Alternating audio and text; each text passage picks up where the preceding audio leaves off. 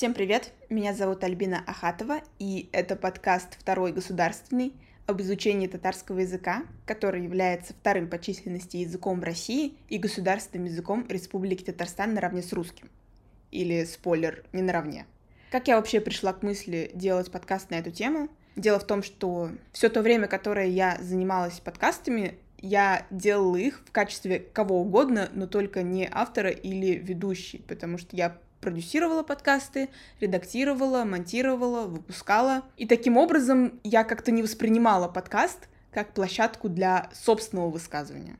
После военного вторжения России на Украину и объявленной там так называемой идентификации, я, будучи не русской, а татаркой, начала задумываться о положении нерусских народов и нерусских языков в России и читать на эту тему статьи и колонки. В течение всего 2022 года и на самом деле по сей день я испытываю очень много эмоций по этому поводу. Это меня разочаровывает, печалит, бесит, злит, заставляет грустить и все тому подобное. У меня и раньше были мысли, что в России с этим что-то не так, но не было понимания и осознания, как это все назвать, обозначить, описать, проявить. Сама я начала восстанавливать татарский язык в январе 22 года, и на тот момент я могла читать и слушать на порядок хуже, чем на английском языке. И тогда возникла идея сделать подкаст об изучении татарского языка, в котором я хочу рассказать как можно больше историй разных людей с самым разным опытом изучения татарского языка, чтобы вдохновить других людей, в первую очередь, конечно же, татар, на то, чтобы изучать свой родной язык. Первом выпуске я хочу обозначить ситуацию с татарским языком и его изучением в России в целом и затронуть немного темы, которые буду подробно разбирать и исследовать в следующих выпусках. А помогать мне в этом будет преподавательница татарского языка Эльза Набиулина.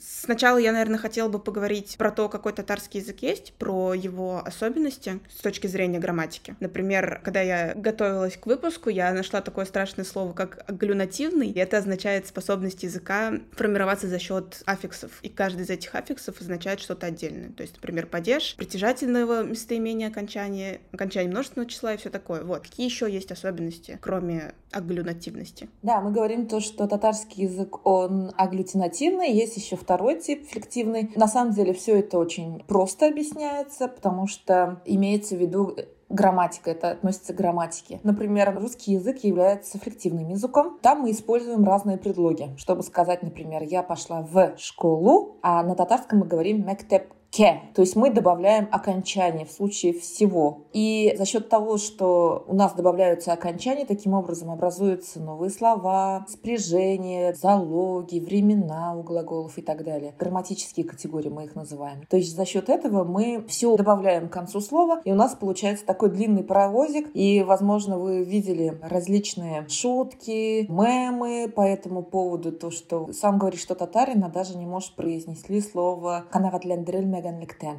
Это не набор просто букв, то есть каждая часть имеет какой-то смысл. И если даже исконно тюркско-татарские слова, основа этих слов состоит из трех-четырех букв на самом деле. То есть, если вы видите корень больше трех или четырех букв, скорее всего, исторически, если вы будете разбирать этимологию происхождения этого слова, то, скорее всего, изначально это слово состояло тоже из двух-трех букв, а уже добавилось окончание, но в современном языке мы увидим, что это слово в современном татарском языке используется уже как одно слово, как корень. Вот, и мы даже не знаем, что на самом деле оно было вот так-то, так-то, так. Например, слово «елан». «Елан» — это змея. В современном татарском языке это вот корень «змея». Но если посмотреть на происхождение этого слова, то мы увидим, что здесь корень был «ел», и «ан» — это, ну, так скажем, суффикс, словообразовательное окончание. «Куян» — то же самое. «Ан-эн» — это про животный мир, вот если не ошибаюсь. А слово «ел» означает то, чем занимается змея, то есть оно так... Э... Ползает?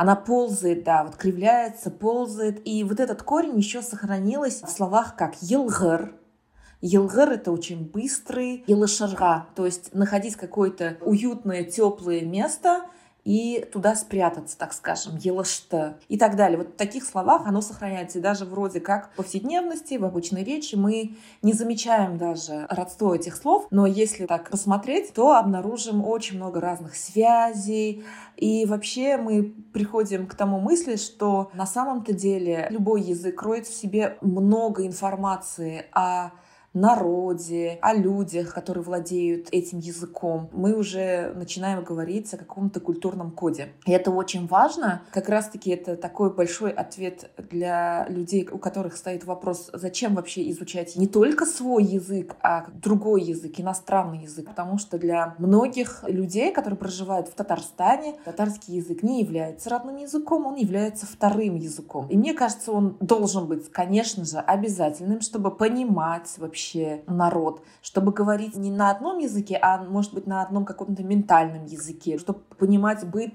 и так далее и тому подобное. То есть это отдельное, кстати, направление языкознания, которое называется лингвокультурология или психолингвистика или социолингвистика. Вот есть такие разные направления, которые изучают язык с точки зрения культурного кода и так далее. Еще одну особенность я могу подчеркнуть, но это прям супер коротко, потому что об особенностях любого языка мы можем узнать только при изучении этого языка, а не просто при знаком с какими-то исследовательскими работами. Мы можем что-то упустить. И вообще нужно сказать, что татароведение — это относительно очень молодая наука, если сравнивать с другими языками. Языкознание татарского языка, изучение вообще татарского языка как явление, оно периодически обрезается. То есть если смотреть исторические факторы, то, что влияет на это. Только-только развивается какая-то школа, методика, и происходит что-то, отменяют графику, меняют алфавит, нужно начинать все с нуля. Потом, например, только начинает изучать язык, появляются какие-то учебники, только оно начинает базовые уровни, какие-то примитивные, может быть, даже учебники. Это тоже большой плюс, потому что это уже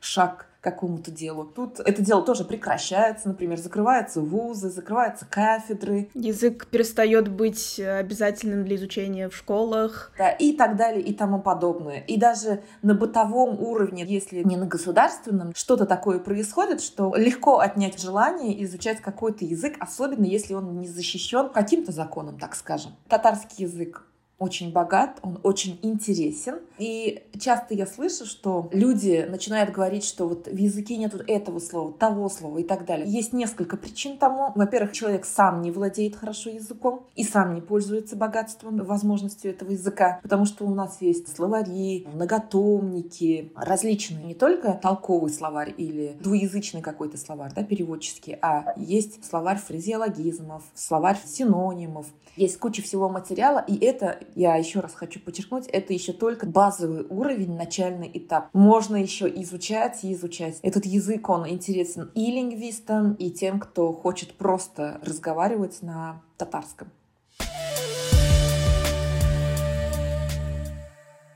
Давайте тогда сейчас поговорим про изучение. Татарский язык перестали преподавать в обязательном порядке в татарстанских школах, потому что в 2017 году президент России Владимир Путин высказался о том, что важно, чтобы люди добровольно изучали неродные языки. И, собственно, через год он подписал соответствующий указ, который переводил национальные языки республик в России в разряд факультативный. То есть это теперь назывался родной язык. Каждый родитель теперь выбирал, какой это будет язык. И в большинстве случаев, насколько я знаю, в итоге все равно все занимались русским языком. Из моего опыта я могу рассказать, что я закончила школу в 2015 году, и у нас татарский язык преподавался, если не в равных объемах с русским, то, ну, совсем немногим меньше. Плюс у нас были уроки татарской литературы. Моя мама рассказывала мне, что у них в Советском Союзе был только один час татарского языка в неделю. И то занимались им только этнические татары, что, естественно, вызывало у подростков в средней школе негодование. Типа, почему одни уходят домой, а мы остаемся заниматься? Но это еще, чтобы указать на место.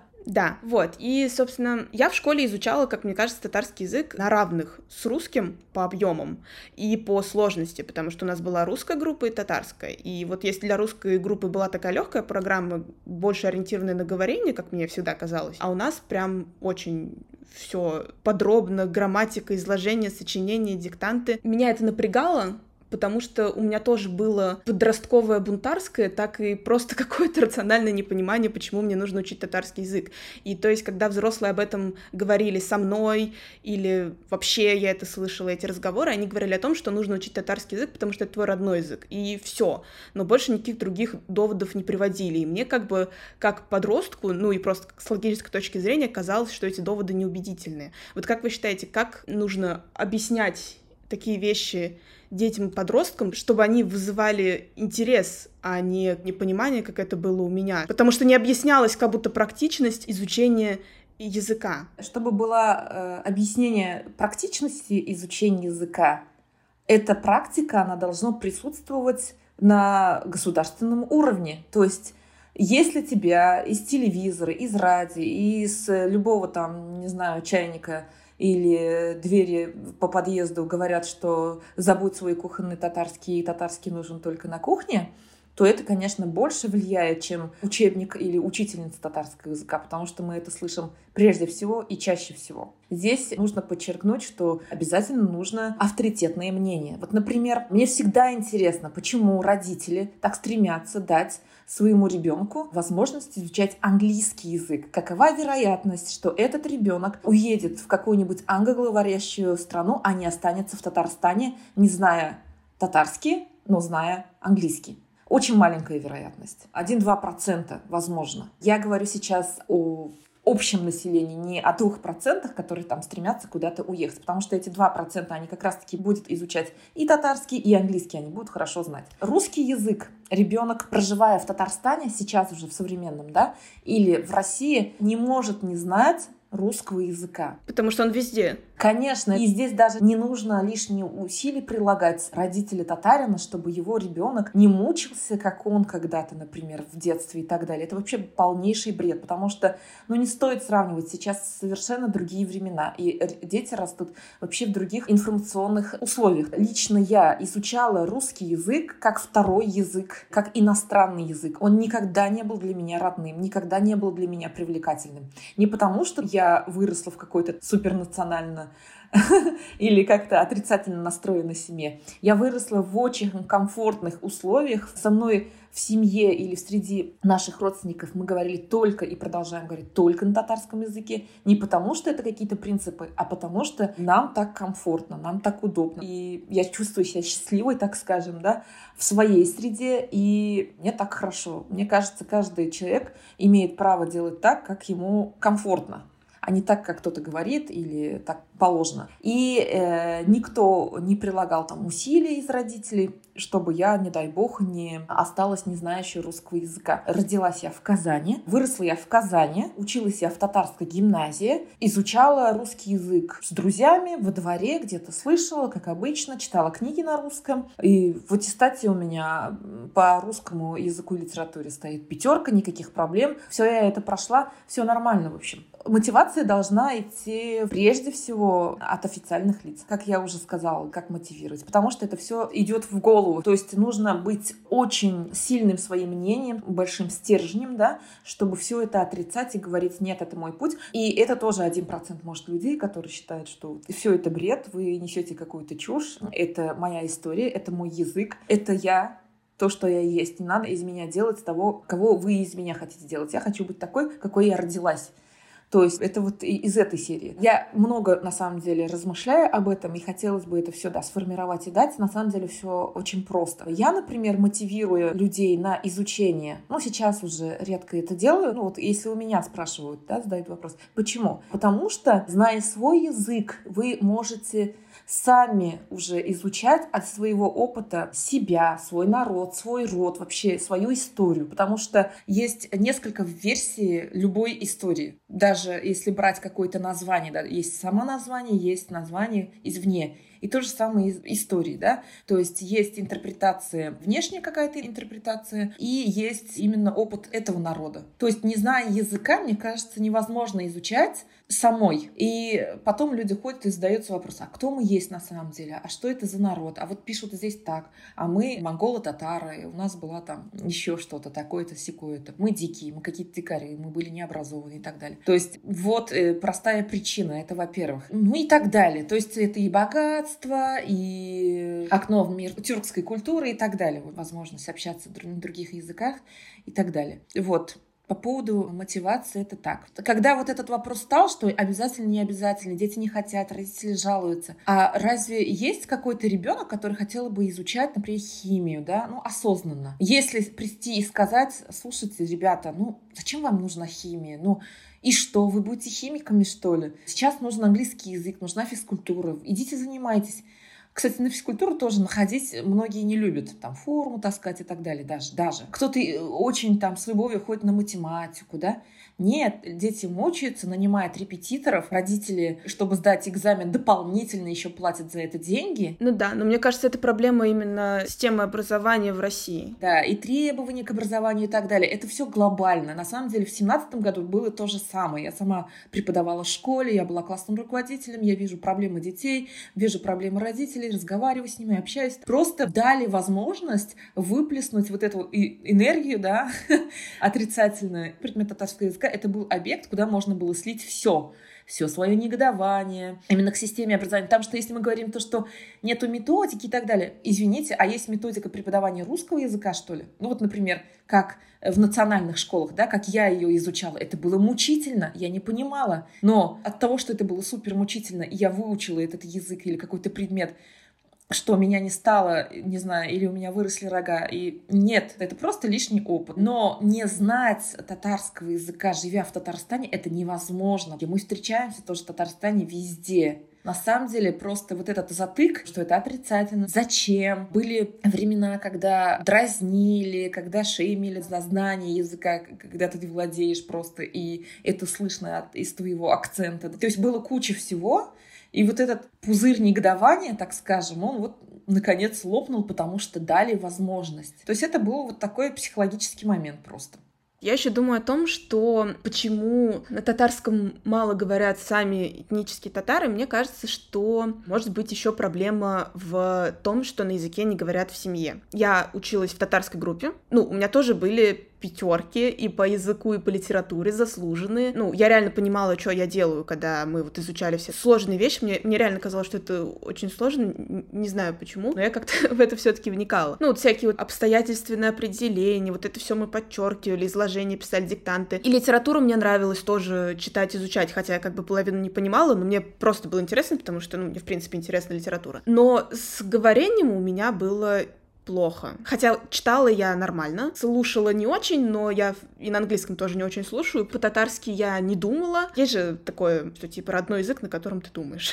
Я думаю о том, что, возможно, это было потому, что в моей семье на татарском языке со мной, во всяком случае, не говорили. Я недавно встречала женщину, она из Татарстана, но она русская, и она приехала в республику 15 лет назад. Вот. И когда мой партнер спросил о том, как с татарским языком в Татарстане, первое, что она сказала, это то, что в семьях не говорят. Вот, и это странно, и это проблема. И я думаю о том, что, да, государство должно поощрять и предпринимать меры для того, чтобы изучение языка и его использование было комфортным, но мне кажется, что самый лучший пример — это все таки семья и близкие люди и окружение, которому доверяешь и которое уважаешь, потому что это же все формирует просто какие-то базовые вещи, типа там не дерись, не обижай слабых, вот, и мне кажется, что с языком что-то подобное происходит. У меня два тезиса сейчас образовалось по поводу твоей реплики. Ну вот ты говоришь, что, что у тебя была возможность изучать в школе, да? Это отличный опыт. Представляешь, что сейчас такого опыта у людей нет. И они не знают писателей, что есть вообще такая литература татарская. То есть этот мир общий, да, он просто исчез. И, то есть представляешь, вот дети татары, которые, ну вот выросли в татарских семьях, или просто люди, которые живут в Татарстане, они не знают историю этой местности. И они изучают как свою историю, историю России, историю каких-то там завоеваний. Я не говорю, что я противопоставляю два этих э, фактора. Они должны быть параллельно, потому что, ну вот, я сама, как выросший человек в Татарстане, в Казани, да, я очень хорошо знаю географию Татарстана, я привязана мыслями именно вот этой местностью. Мне вот часто говорят, ты, конечно, патриот к Татарстану, но не Россия. Я говорю, вот, извините меня, Россия такая огромная, как я могу любить и понимать то, что мне вообще неизвестно? Вот я скажу, что я знаю Россию и поеду в Якутию. В первый же день в лесу я там и останусь. Потому что для меня это что-то чужое, я не подразумеваю под чужим что-то такое отрицательное, да? Для меня это что-то неизведанное, новое, оно мне не родное. Мне интересно, я уважаю эту культуру, я бы хотела ее изучать, но это не родное. И получается, я не знаю что-то свое родное, я изучаю как родное, не родное. То есть вот эти там какие-то завоевания, мифология греческая и так далее, пусть она тоже будет, но почему я не знаю вот свое, что вот, э, вот в это время как будто не было татар, вот они где-то там появились вдруг, и где мы были? Мы говорим то, что вот это очень древняя деревня, например, приезжая в свою деревню, а кто построил эту деревню, в какие года, а что было тогда, почему именно здесь, в этой местности где-то там, почему у нашей деревни нет реки, например, да, потому что, ну, как бы логично же строить дома у рек, а потому что татарам запрещалось строить. То есть когда-то у них были, конечно, деревни. И почему-то всегда в песнях присутствует вот этот образ реки. А, Идель, Идель. Или, например, почему не едят рыбу, да, грибы и так далее. То есть где вот эти блюда? Это же получается такая историческая география. То есть э, мы можем найти, познать себя, так скажем, да, а нам просто это запретили сделать. Мне кажется, осознанно. А второй вопрос по поводу нужно сохранять семье. Мы это часто слышим. Я хочу сказать так. Вот никто не пытался сохранить русский язык в моем семье. Но я его знаю. Никто не пытался сохранить английский язык в моем семье или культуру. Но я ее знаю. Турецкий никто не пытался. Но почему-то я знаю культуру и так далее. Потому что здесь вопрос мотивации. Родители у нас тоже молодые. Есть родители первоклассник или начальных школ до 30 лет, например, да? Они прям такие все осознанные и понимают, что да, мой ребенок должен владеть своим родным языком. Это, это получается, у нас должен быть такой отдельный суперосознанный народ татарский, который не имеет своего государства, но он такой суперосознанный. То есть он должен понимать, что он должен сохранять язык в семье. Я понимаю, если бы там нам выдавали какие-то специальные пособия, да, и не думать о работе, о том, что завтра с утра нужно выходить на смену, а я пришла еще в 7 часов вечера, да, нужно делать домашнее задание, а я должна восхвалять поэта Мухаммадьяра с времен Казанского ханства перед своим ребенком, да, и он должен это любить, потому что это тоже какой-то супер ребенок, какой супер осознанный. Но это все бред. То есть мы можем сохранить язык в семье на уровне бытового. Многие татары сами не владеют литературным татарским. И это не их вина. Как бы это нормально. Многие русские не владеют русский язык на том уровне, как владеют некоторые татары, например, да. У государственных учреждениях есть свои обязанности у семьи есть свои обязанности. Почему семья Толика, который может по выходным, например, ходить просто пинать мяч, а семья там Халимджана должен сидеть дома и изучать татарский язык дома? Я не знаю, это можно пересчитать на пальцах. Семьи, которые могут четко выстроить предложение. Почему мы делали, например, разбор предложения на уроках? Я понимаю, что это скучно, что это неинтересно. Нужно, нужно еще понимать, что это тоже это начальный этап методики преподавания мы бы пошли дальше. Но сказали, вам дали 30 лет, все, вы не успели. Это была как будто какая-то игра. Так и говорили, что вам дали возможность, а вы не сделали. Это вообще супер бред тоже. То есть вот есть народ, есть какой-то вышестоящий образ, лицо, и к вам приходят и говорят, так, ребята, мы дали вам 30 лет, вы не справились, все, расходимся. А мы только начинали думать и создавать что-то.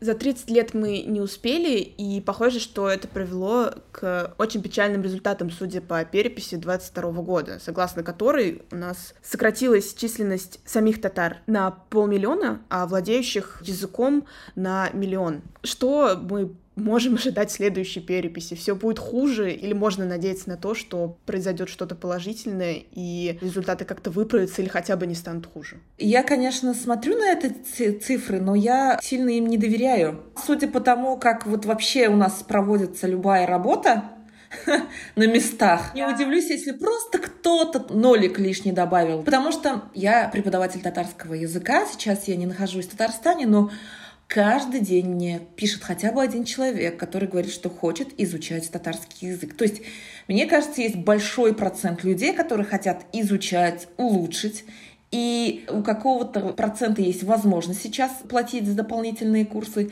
и из них еще какой-то только процент доходит до учителя, а потом уже очень маленький процент доходит до самого урока. Ну и, конечно же, мизерный процент остается для продолжения изучать. На это есть объективные причины. Здесь нельзя там винить э, кого-то, говорить, вот ты не, не выучила или так далее, вы, на вас мало. Я, наверное, больше приверженец того, чтобы делать что-то на местах, заниматься собой и близкими, Потому что, ну вот, кого я могу контролировать, да, хотя бы там, морально как-то? Это своего ребенка, свою семью, своих двоюродных. Настрое детей в семье. У всех из нас дети говорят на татарском, между собой даже, когда они встречаются. Ну вот этого мне пока на данном этапе достаточно, но я как бы тоже рассматриваю, я понимаю, что я это рассматриваю как филолог, и поэтому мне легче этим заниматься у себя даже дома. То есть достигнуть такого уровня, чтобы ребенок при общении общении не путал языки, это тоже очень важно. То есть если человек говорит на русском, он должен говорить на русском, если он говорит на татарском, он должен говорить на татарском. И строение предложений должны быть татарские, а не так, что э, «Мин улим что синен буген була», тоже полнейший бред, потому что это я слышу от родителей. У меня есть вот опыт такой, то, что мой ребенок общается с другим ребенком, тоже татароязычный, и они знают, что мой ребенок почти не владеет русским языком. Они сразу переключают свой мозг и говорят с ней только на татарском. Что я слышу от родителей этого ребенка? Такой язык. Э, без барабус шунда, когда э, хочешь, да, меня будет это ну, просто... я могу, я могу сказать про себя, что я знаю, что глагол в татарском языке должен стоять в конце предложения, но все равно местами я тоже путаю порядок предложения, я могу что-то сказать вот именно вот по-русски построить. И так как у меня словарный запас хуже, я тоже могу некоторые слова называть по-русски и использовать вот эти сложно подчиненные связки. Но мне кажется, что лучше я хотя бы хоть как-то, но, но хоть как-то. Я сейчас говорю о тех, кто владеет языком. А что мы подразумеваем под владеет? Это вот какой-то процент словарного запаса или сертификат э, татарского айлса или... Такого сертификата, к сожалению, пока нету. Мы к этому только идем, надеюсь. Свободно владеет языком. Есть определенный словарный запас. И у человека полноценный первый язык является татарским. Таких много. Особенно те, кто выросли в деревне. Они искусственно создают такую оболочку, мол, вот мы забыли, не знаем. Но это явление паразит, так скажем, мне кажется. Потому что у меня тоже есть такое уже тоже есть такое, но при общении с ребенком я выключаю это, потому что в голове у меня стоит такой блок, что ребенок не знает русского языка, и нужно говорить чисто на татарском языке, татарскими предложениями. И это, кстати, вот это мы, мы же вводим детей в какие-то развивашки. Мы хотим, чтобы у них э, два полушария мозга работали одновременно, еще что-то там. Мы во все это верим, но элементарно в то, что вот если даже присмотреться на язык татарский, строение совершенно другое. Там действительно у тебя включается мозг, особенно если ты пытаешься перевести что-то с русского языка. И когда ты говоришь на русском, английском совершенно другое строение предложения. Отличная разминка для мозга. Мы уже немного затронули тему того, что язык должен передаваться в семье. Как вы думаете, сейчас есть такое, что молодые родители стараются говорить со своими детьми на татарском языке чаще и передавать им язык посредством семьи, чем это было много лет назад, потому что, например, ну, мои родители, получается, мне язык не передали, потому что, например, с моей мамой, несмотря на то, что ее родители с ней по-татарски общались, ей уже было проще отвечать им даже уже по-русски. И я думаю, что, наверное, это было не только с моими родителями, но и с другими родителями моих ровесников. А если сейчас такое, что язык снова передается через семью. Мне кажется, всегда было это явление, что кто-то относился к этому вопросу серьезно, и даже если не владел, пытался. У нас были такие примеры в Татарской гимназии, что приходили из русскоговорящей семьи, но получается, родители как-то осознанно это делали, чтобы ребенок владел языком. Но я не могу сказать, что вот сейчас повысилось или понизилось. Это все социологические, мне кажется, исследования, они тоже не всегда объективны. Но да, есть процент все равно семей, которые осознанно подходят к этому вопросу. И потом вот отвечать на каком-то языке, это же тоже правило семьи. И это правило, оно устанавливается буквально за небольшое время, то, что в нашей семье мы отвечаем на татарском. В нашем семье мы задаем вопрос тоже на татарском. То есть в этом доме язык татарский. То есть я еще раз хочу подчеркнуть, это делается не потому, что мы отрицательно настроены, какие-то националисты и так далее, да, то есть здесь все, что можно э, угодно говорить. А это такая мера сохранения разговорного языка ребенка, семьи и так далее. Потому что вот я сейчас живу в Турции, здесь есть русскоговорящие родители, которые стремятся сохранить русский язык дома, в школах. Они хотят отдельно русскоязычные классы, садики, я их прекрасно понимаю. То есть в другой среде люди начинают задумываться. Оказывается, это такая уязвимая вещь, уязвимая часть, что ребенок может не знать, не уметь читать, да, не знать каких-то там классических стишков с нашего детства и так далее. И вот мы это все переживаем, как бы для нас это уже пройденный опыт, и для нас это нормально. Мы тут так быстренько смобилизовались, организовали, потому что этот опыт уже есть. То есть э, быстренько собрались татароязычные родители, организовали тут кружок рисования да, на татарском языке, и нормально, он у нас идет. То есть раз в неделю дети стабильно знают, что вот у них есть друзья, которые говорят такие же, как они говорят на татарском языке. То есть здесь же главное еще нужно, наверное, создать тоже какую-то среду. Это тоже ответственность родителей, к сожалению. Хотя сейчас мои друзья, живя в Татарстане, в Казани не могут найти татароговорящую группу. Ее, можно сказать, нет. Или он находится там, не знаю, в другом конце города. Это тоже должны быть какие-то супер осознанные родители, которые встают с утра и не против ехать через всю эту э, пробку, через этот город, другой конец, чтобы дать э, ребенку варить по-татарски. Ну, с одной стороны, это такой челлендж, конечно, который тебя делает сильнее, но с другой стороны, сколько можно уже? Получается, что вот если мы не можем изучать язык в школе, хотя наверняка это по-любому как-то гарантировано Конституцией, то у нас тогда остаются какие-то частные инициативы. Ну, то есть вот, например, курсы у Марты в Москве или онлайн и интернет-форматы, как, например, курсы Азатлог. Конечно же, это сложно. И я же вот говорила про процент людей, которые... Осознанно подходят. Да, осознанно подходят. Ну, хотя в любом народе, в любом языке должны быть представители любой культуры, любого социального слоя, всего. А у нас, получается, все такие суперосознанные. А потом нас спрашивают, почему это вам все не хватает. Ну, потому что вы сами воспитали таких супердумающих людей, которые готовы организоваться везде. Вот, но это было всегда да, ну вот если мы посмотрим на нашу историю, татарам запрещалось посещать государственные школы, университеты до, получается, советского периода. Татары что делали? Они просто собирались сами, открывали при мечети медресе, на свои деньги обучали детей. И если мы вот говорим то, что по статистике советский период все народы научились писать, читать и так далее, то можно смело говорить, но я не знаю, конечно, уровень подготовленности тогда, но понимание, что нужно получать образование, что можно через получение образования находить себя в этой жизни, оно было у татар раньше. Я не могу сказать всегда, но было раньше, потому что все дети в деревне, они ходили в медресе, мальчики в медресе, к муле девочки получали образование оба стая. То есть это было. Я же говорю, вот это понимание, то, что нужно получать образование, нужно учиться читать, оно у татар было еще до советского периода, так скажем. Порой даже мы не удивляемся, что ли, что мы должны собраться сами и делать вот это сами, да, хотя э, все практически являются налогоплательщиком, имеют право обращаться к каким-то государственным учреждениям, но это уже другой вопрос, нравится тебе это или нет, там уровень и так далее, это уже другой вопрос. Ну, у нас, как принято говорить, не нравится, тогда иди.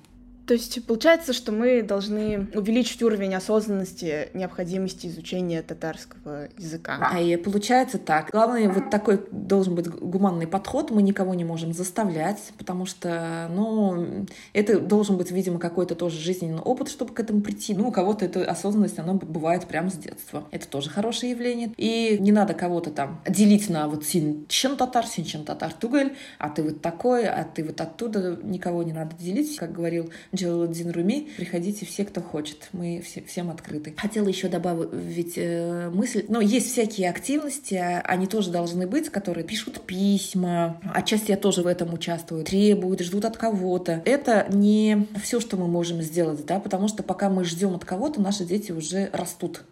В семнадцатом году у меня еще не было ребенка, сегодня 23 год, моему ребенку, ну, в этом году уже скоро будет 5 лет. То есть, если бы я с этого года дожидалась, сидела бы там открытие каких-то татарских школ, я бы ничего не получила. Параллельно, конечно же, нужно делать что-то самой.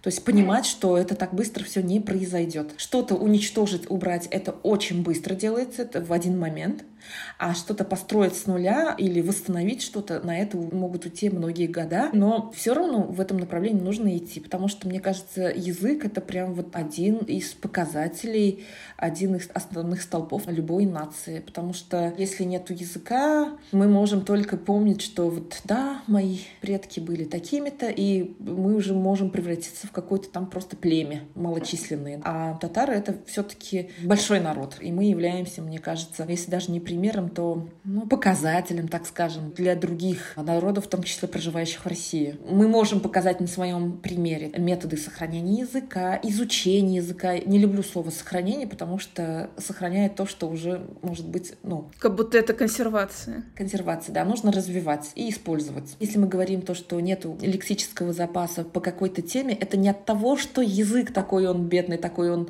плохой. Это не какой-то субъект, кстати.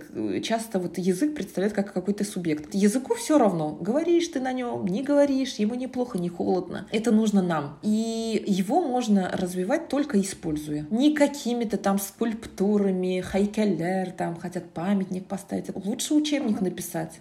Лучше открыть действительно татароязычные школы, классы. В этом нуждаются люди. Мне тоже часто пишут, но я никак не могу. Я не чувствую себя за это ответственной, за других людей или за весь народ, боже упаси. Я могу только делиться тем, что я знаю и умею, и то, чем я занимаюсь со своими детьми в своем семье, например.